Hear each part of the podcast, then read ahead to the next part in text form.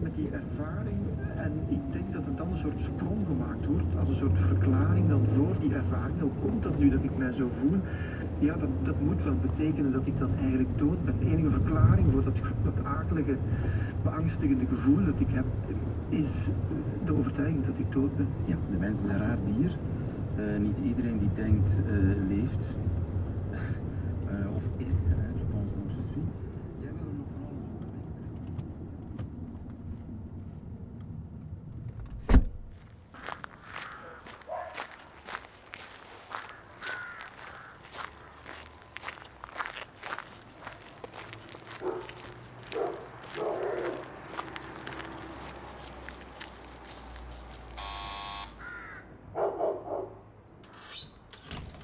Hallo?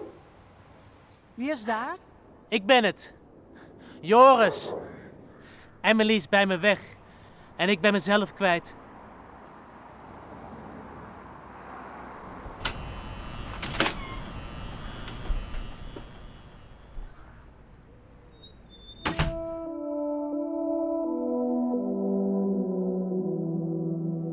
Dit is Maankalf. Hoofdstuk 6. Het is 20 juni 2021. De wind is gaan liggen en het is zomers weer. Joris zit een beetje ongemakkelijk op de bank bij de vrouw met de stem die Joris kent van de meditatietapes. Ze heet Gaia en is in de keuken. Ze zet lindenbloesem thee. Je bent laat. Ik kon het niet eerder. Je lijkt op je opa. Voor mij is opa een man op een foto in een zilver lijstje. Hij was een lieve man. Maar hij zocht me niet. Hij knipte je schrijfsels uit en plakte ze in een boek. Hij was een aardappeleter. Ja, en jij houdt van friet. Huh? Goed gebakken friet. Ik heb sinds mijn zesde geen friet meer gegeten. Doet mij mijn moeder denken. We pakten samen haar tas. Genoeg voor een week. We aten samen patat en papa maakte grapjes. Ze knuffelde mij en deed me haar sjaal om. Het was donker. We liepen buiten, de koffer in papa's hand.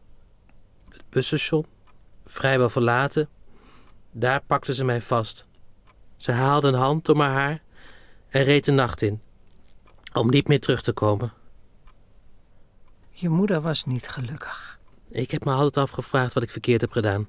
Och, Joris. Joris, je bent goed zo. Gewoon door te zijn, niet door wat je doet. Je was een lieve baby. En als ik de tijd zou kunnen terugdraaien, dan zou ik mijn baby's een extra knuffel geven voordat ze te groot zijn om nog vast te houden. Het was een oud huis met overal boeken. Op de schoorsteenmantel stond een foto. Ik herkende het speeltuintje. Het is in het parkje bij de Emmalaan. Ik stond erop en keek blij in mijn Mickey Mouse t-shirt. Ik moet een jaar of zes geweest zijn. Je Calanthea krijgt te weinig licht. Oh, hé, hey, maar zo kan ik hem niet zien vanuit deze stoel. Hij heeft zijn bladeren gesloten. Hij beschermt zich tegen de kou. Ik heb honger. Kok. Ik friet. En jij blijft hier slapen. En morgen ga je naar dat meisje. En dan zeg jij wat jij voelt. De avond valt. De kamer ruikt naar friet en kroketten. Op tafel ligt nog een plastic zak met papieren zakjes van de frituur. Joris is op de bank gaan liggen. Hij heeft zijn benen opgetrokken en fijnst dat hij slaapt. Gaia kijkt vertederd naar hem. Pakt dan een deken en legt die over hem heen.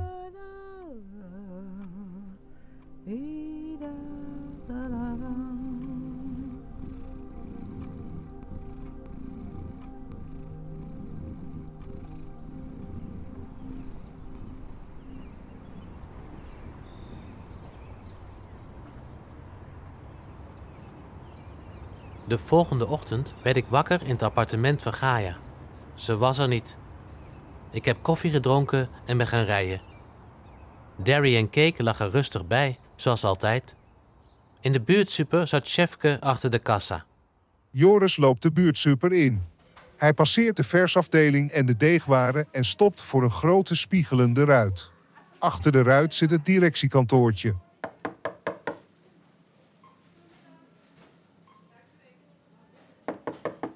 Emily? Het is Joris.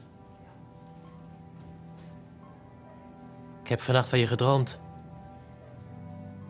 Je had een wit satijnen jurk aan. Met van dat kant. Ken je dat? Je liep door het zachte zand met een mandje met rode appels. Je lachte toen je mij zag. Ik had een pak aan. Een zwart pak. Met een eh, blouse met machetknopen. Gemaakt van oude toetsen van een toetsenbord. Control-Alt. Je maakte ze los. Omdat ze strak zaten en stroopte mijn mouwen op. En ik keek en ik deed niks. Je was bleek. En je begon te hoesten. Je kronkelde op de grond als een vlinder in de sneeuw. Je benen zakten in het zand. Je romp werd naar beneden getrokken. Ik pakte je arm vast en begon eraan te trekken. Ik schreeuwde heel hard. Nee, niet weggaan. Niet weggaan nu. Je begon te hoesten, steeds heviger en kreeg het benauwd. En met een enorme schreeuw vloog er een groot stuk appel uit je mond. Toen verdween je in het zand. Ik zakte door mijn knieën en begon wanhopig te graven, maar waar ik ook zocht, ik vond je niet. Emily, je moet open doen. Heel even maar.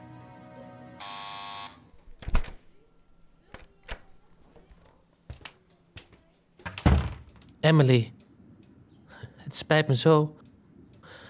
Ik wilde je geen pijn doen. Het is zo verrot en ik, ik maak alles stuk. Ik heb me vastgebeten in het verhaal van Maus. Ik, eh, ik had je er buiten moeten laten, maar ik kon het niet. Ik moet je zeggen dat ik je aardig vind. En dat ik je graag zie. De magnolia staat in bloei. In de Christopstraat. Die wil ik je zo graag laten zien. Je bent een paparazzi, Joris. Van het ergste soort. Geen grondig onderzoek, maar, maar gewetenloze roddeljournalist. Bedoeld om meisjes zoals ik bang te maken en gek te maken, maar ik wil dat niet. Ik wil een goed verhaal met inhoud, wat ergens over gaat. De winkel ligt al vol met komkommers. En snot vergeef me wat stinken die kringen als je ze een week te lang laat liggen. Ik begon jou net een beetje te vertrouwen. Het is zonde, Joris. Te zonde om te laten lopen. Te, Joris. Snap je? Ik wil sussende woorden. Een geruststellende hand op mijn schouder. Het, het is goed, Emily. Het komt allemaal goed. Iemand die achter me gaat staan voor als ik val. En me overeind helpt. En mijzelf verder laat lopen. Wil dat je me meeneemt. Naar jouw Amsterdam. Voor een dagje met de auto. Naar het museum met dat schilderij. De hut. Samen van een afstand kijken. Om te verlangen naar wat er ooit was. Wil je? We eten pannenkoeken op de dam en gaan naar huis. Ja, ik wil. Zet eens koffie, wil je? Wat is de boodschap van de week? Lange vingers. En je vader? Die kan je niet luchten. Er staat hier een stapel folders te verpieteren.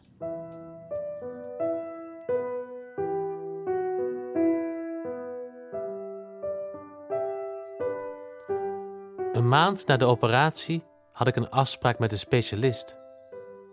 Met klamme handen liep ik naar het ziekenhuis. Dokter Flink zag de mond eruit. Het weefsel, wat verwijderd was tijdens de operatie, hoorde daar niet. Het was niet kwaadaardig, maar wel aan het groeien. Uit onderzoek van het lab bleek dat er sporen van haar en tandweefsel waren gevonden. Het kon wijzen op een overleden tweelinghelft. Het embryo was als het ware opgenomen door de overlevende in de moederbuik. Ik keek uit het raam en ik zag de windmolens die knipperden Het leek als een hartslag.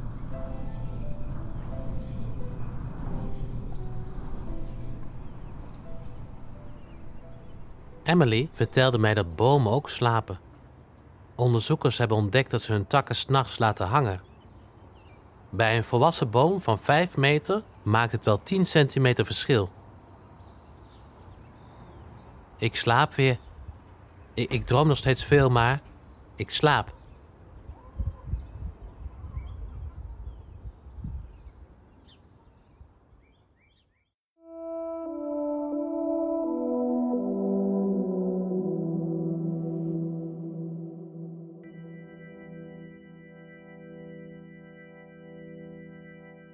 Je luisterde naar Maankalf, een podcast van Bert Hana. Kijk voor alle antwoorden op de woordraadsels, de credits en achtergrondinformatie op maankalf.nl. Het geluid en de mixage was van Reinier Hameleers. Soundtrack komt van Tom Zwart. Je hoorde de stemmen van Bert Hana, Thomas Huppener, Sietske van der Ster en Mineke Bakker. De voice-over is door mij, ik ben Daan van Murf.ai. Productionele ondersteuning Mireille Rooyendijk. De geluidseffecten zijn onder andere afkomstig van freesound.org. Maankalf werd mede mogelijk gemaakt door het Norma Fonds, de provincie Limburg en de donateurs van Voor de Kunst. In het bijzonder wil ik danken Edwin Kuil, Ruben van der Meer, de Tolhuistuin en het Mystery House Valkenburg. Mocht je dit een fijne podcast vinden, vertel het door en laat een review achter. Bedankt voor het luisteren.